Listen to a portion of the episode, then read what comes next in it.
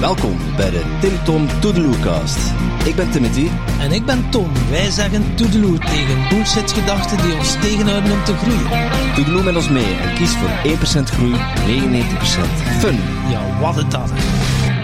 Ja, welkom bij de tweede aflevering van onze mini-reeks Beleggen in crypto voor financiële vrijheid.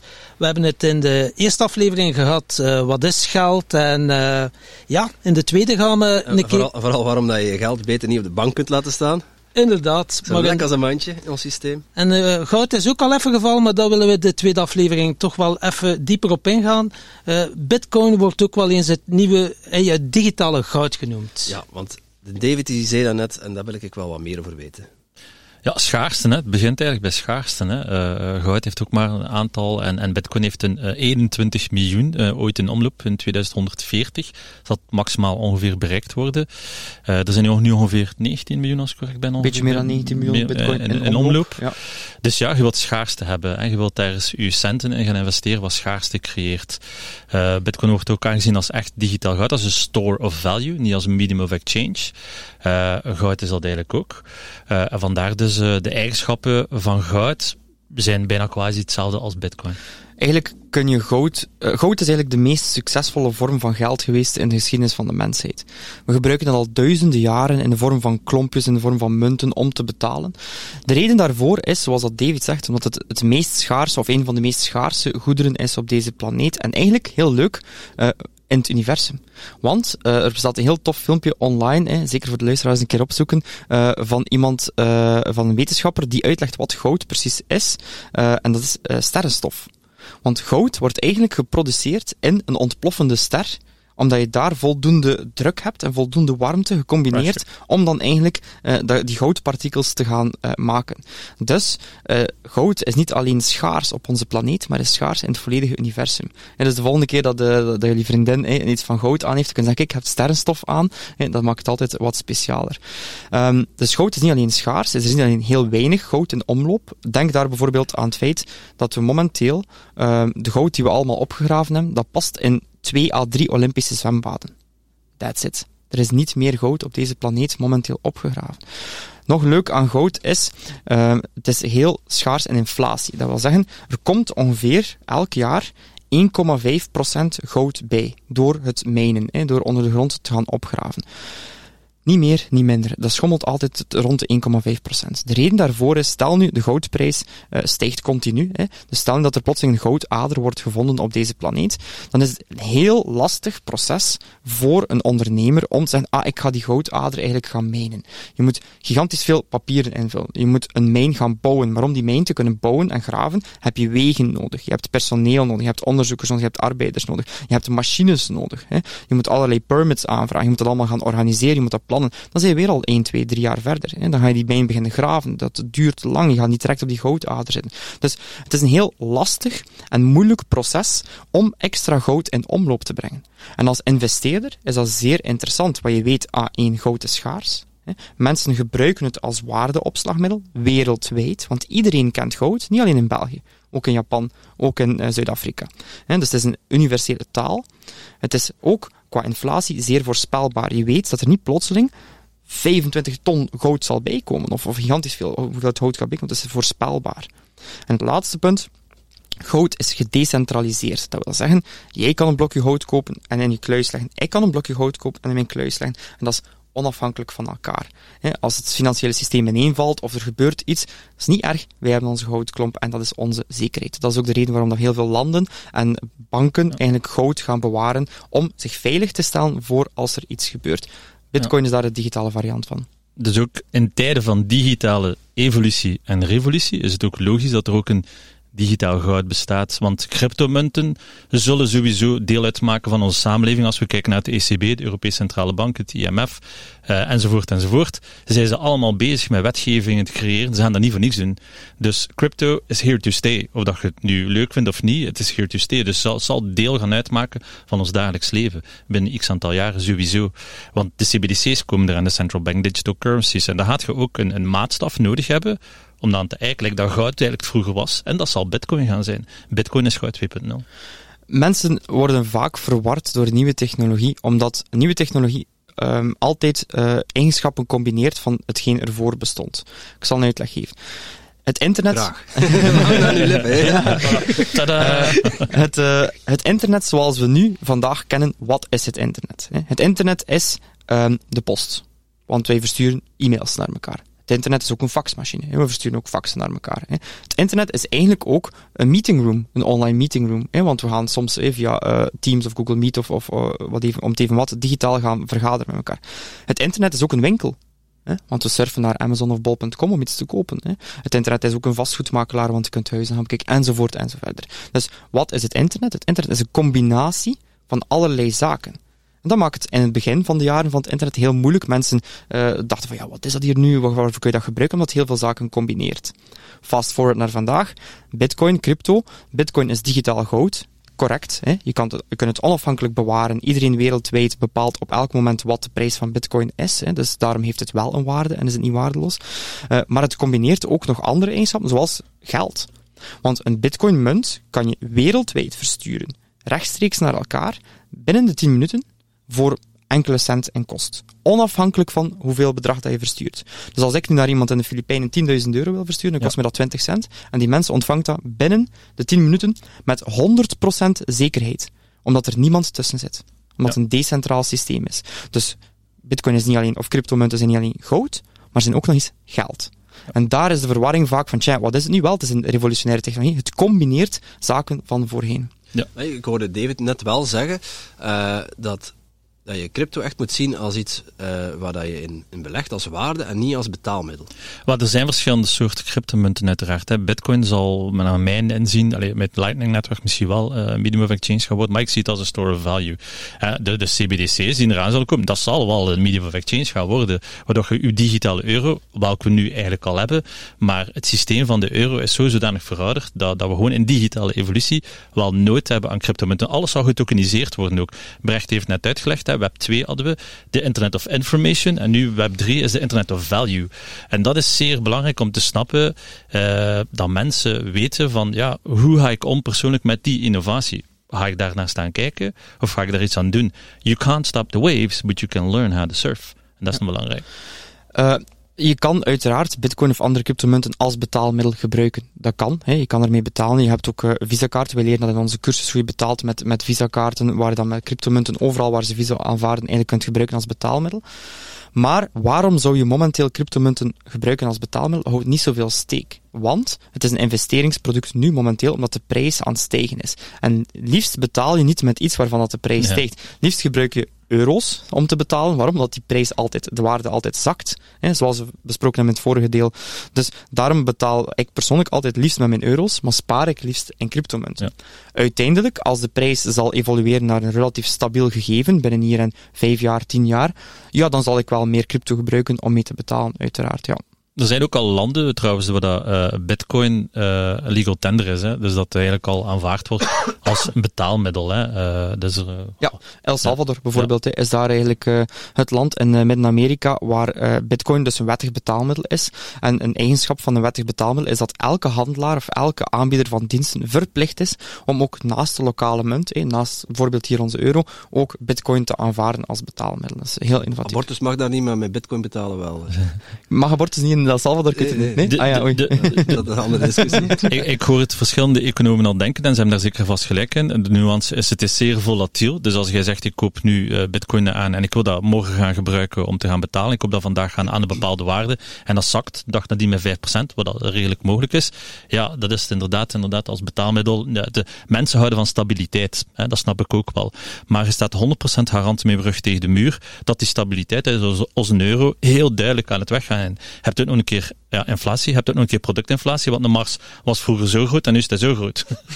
en hij is keer duurder bij ook. Dus, dus dat is ook productinflatie. Je hebt overal inflatie. Langs alle kanten worden wij gewoon leeggezogen. En hier heb je nu een kans om te zeggen van, kijk, I exit the system, want er bestaat een parallel systeem die bestaat, waar wel waarde aan gegeven wordt, waar wel vraag en aanbod is, wat dat de Zotter wil vergeven, dat is Economics 101.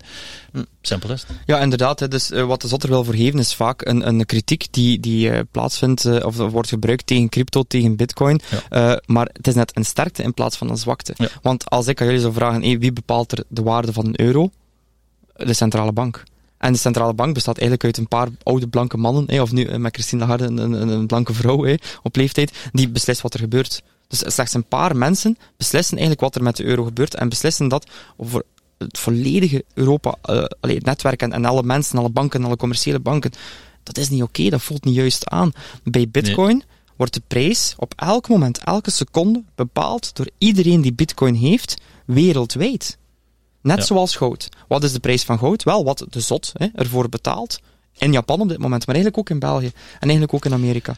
Gezamenlijk als gezamenlijke taal. Dus dan zie je ook heel duidelijk dat het wereldwijd echt leeft. Waarom? Omdat er degelijk wel een probleem is. Want als we gaan kijken naar de balance sheet van het ECB, en ik nodig iedereen uit om een keer te gaan kijken naar de balance sheet van het ECB. De balans. Ja, de balans, ja, de balans, ja. Dat is om, om even uit te leggen wat... TCB? Uh, ECB. Europese Centrale Bank. ja, okay, ja, ja, ja, om even uit te leggen wat dat David zegt, dus de Europese Centrale Bank. Hey, wat Graag, want David die praat altijd in... Uh... Ik ben de vertaler van David eigenlijk. Uh, dus um, wat David eigenlijk zegt, is dat de Europese Centrale Bank hey, heel veel geld produceert, opnieuw. Hey, heel veel euro's die in omloop zijn, zijn nieuwe euro's, omdat het toch op niets gebaseerd is. En met die euro's kopen ze eigenlijk allerhande zaken op om zo geld in de economie te pompen.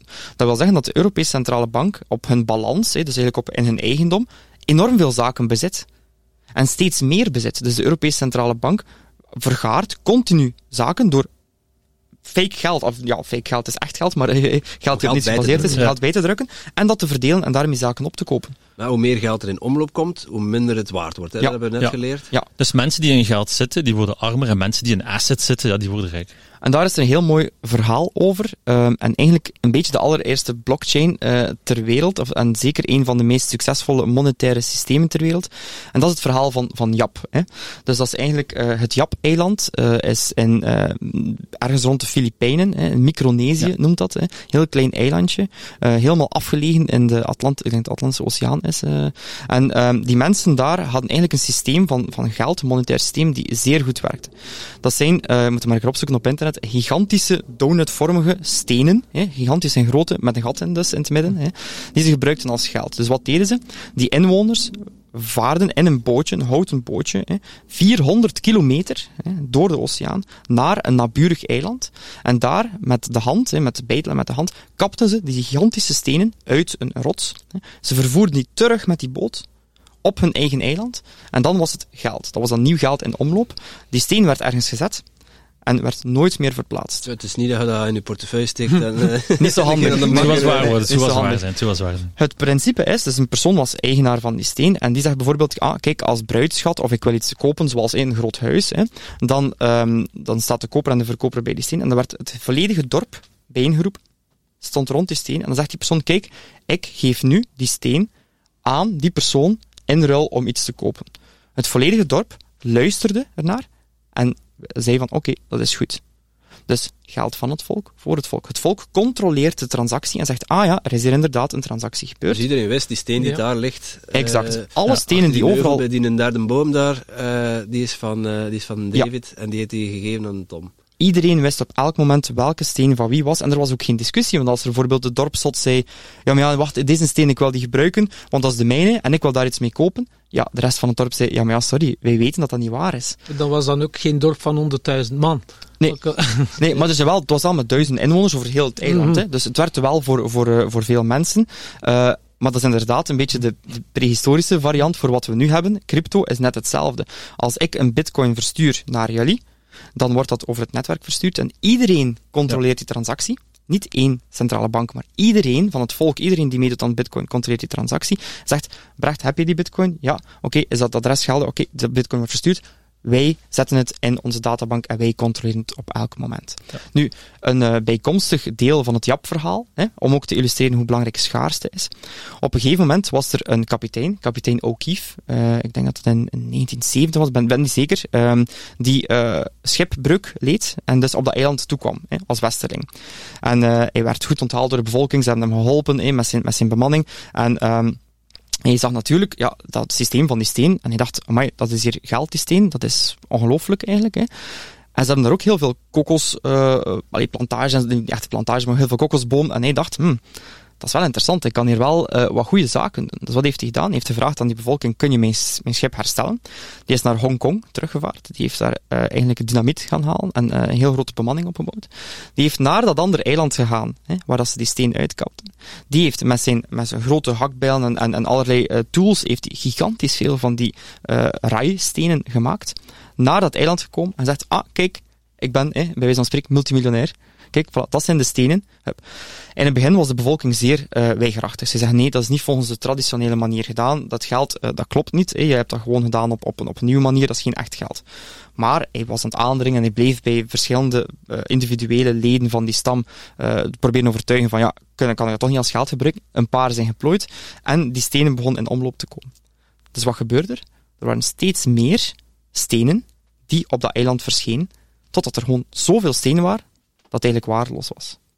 En het systeem werkte niet meer, het is helemaal in elkaar gevallen. Dus ze hebben tegen, uh, tegen O'Keefe, kapitein ja. O'Keefe gezegd, zal u aan de kost, maar hij mocht ons eiland verlaten. Ze hebben die extra steen dan weggedaan en ze hebben eigenlijk opnieuw gegaan naar een traditioneel systeem. Ja. Kapitein O'Keefe zijn momenteel de centrale banken. Zij zijn massaal veel geld aan het bijprinten.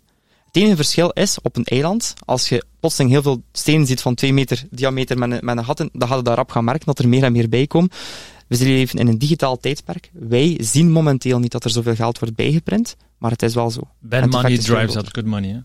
Ja, ja, absoluut. Ja, ze doen dat dan, de Europese Centrale Bank deed het dan om bedrijven te redden, om de economie te stimuleren. Om... Wat dat goed is, uiteraard ook. Ja, maar, maar ja. Begrijp niet verkeerd, ik vind het wel een goede opmerking die je maakt. Er is um, natuurlijk een flexibiliteit nodig in de geldvoorraad en het systeem dat we vandaag hebben. Dus dat is oké. Okay, dat, dat breken wij ook niet af. Crypto en bitcoin is geen aanval op het monetair systeem. Helemaal niet. Maar het is wel de reddingsboei. En crypto of bitcoin, ja, dat is enkel maar voor mensen die geld hebben, die het kunnen missen. Het is niet van uh, mensen, iedereen kan het doen. Je hebt toch, uh, het is toch het spaargeld dat je dan gaat aanwenden. Well, of, of, zie ik dat? Of, je, je, iedere maand 20 euro of 50 euro inderdaad, hè, wat je inderdaad correct aanhaalt, uh, Tom, is wat je kunt missen iedere maand. En dat is eigenlijk ook hetgeen wat ik al jaren doe, is DCA-strategie, en daar dan straks ook uh, op uh, terugkomen, is uh, ja, dollar cost averaging, in ons geval euro cost averaging, wat je kunt missen. Want we zitten altijd met dat lek, als we blijven zitten, blijven we staan, wat dan bij staan, of gaan we er iets aan doen bij dat lek? Ja. En daar komt het op neer. Investeren uh, is heel belangrijk, en we hebben het in de eerste deel ook verteld, in schaarste. Je wilt in zaken investeren die schaars zijn, die, die niet vaak voorkomen. Denk terug, nu aan, aan het Jap voorbeeld. De stenen waren schaars, dus dat was een goede vorm van geld. Mensen vertrouwden daarin. Goud is heel schaars, het is sterrenstof, mensen vertrouwen erin. Euro's zijn niet meer schaars, en daarom wordt het steeds minder en minder waard. Nu, voorheen, voor crypto, als je wou investeren in schaarse goederen, dat, daar heel veel geld uh, verdiend hebben, en je vermogen goed beschermd hebben. Maar het, uh, de uitdaging is dat die zaken zeer duur zijn. Wat is er schaars? Luxe auto's, luxe horloges, vastgoed in Londen, ik zeg maar zaken. Of gewoon in het algemeen huizen. Maar wie kan er hier nu een huis kopen als investering? Wie kan er, vast, wie kan er een, een Ferrari kopen, een exclusieve Ferrari die in waarde stijgt elk jaar? Je moet er superveel voor neertellen. De meest um, toegankelijke manier om eh, schaarste te investeren voor crypto was aandelen. Aandelen van een bedrijf zijn in principe schaars. En als je daarin investeert in bedrijven dat je gelooft, hè, dan uh, stijgt die in waarde. We hebben dat ook gezien de laatste 10, 20, 30 jaar. De, de waarde van, van aandelen stijgt gigantisch. Maar je moet ook kennis hebben van aandelen. Je moet weten wat je doet. Hè. Nu komt crypto er, hè, de, de volgende stap van het internet. Cryptomunten, niet allemaal, maar de meeste zijn ook schaars zijn heel laagdrempelig, want die kosten ook niet veel geld. Zoals David zegt, je kan met 10 euro per maand kan je beginnen. Eigenlijk. Dus ze zijn eigenlijk uh, zeer democratisch om in te stappen. En zo kun je eigenlijk schaarse zaken gaan kopen als investeerder zonder dat je gigantisch veel geld moet hebben ervoor. Super interessant. Uh, we hebben het ook uh, over bitcoin. we hadden het over de, de technologie erachter. En, en ik hoor je nu ook zeggen van er zijn nog andere crypto's. Sommige zijn schaars, sommige zijn niet schaars. Uh, ik heb al uh, de meest wilde verhalen ervan gehoord, maar uh, ik ben wel benieuwd wat jullie van, van al die andere crypto's vinden. laten we daar in de, in de, volgende aflevering over hebben. Alright. Goed plan. Yes. Wie denkt dat kennis duur is, kan zich wel eens vergissen in de kosten van onwetendheid. Laat je dus niet oplichten en informeer jezelf voor je begint met beleggen. De beste investering die je kunt doen is een investering in jezelf. DCA biedt speciaal voor onze luisteraars een mooie korting op een Bitcoin workshop. Nu voor 497 euro in plaats van 550 euro. Surf naar timtompodcast.com slash bitcoin om van deze korting te profiteren. Doe er je voordeel mee.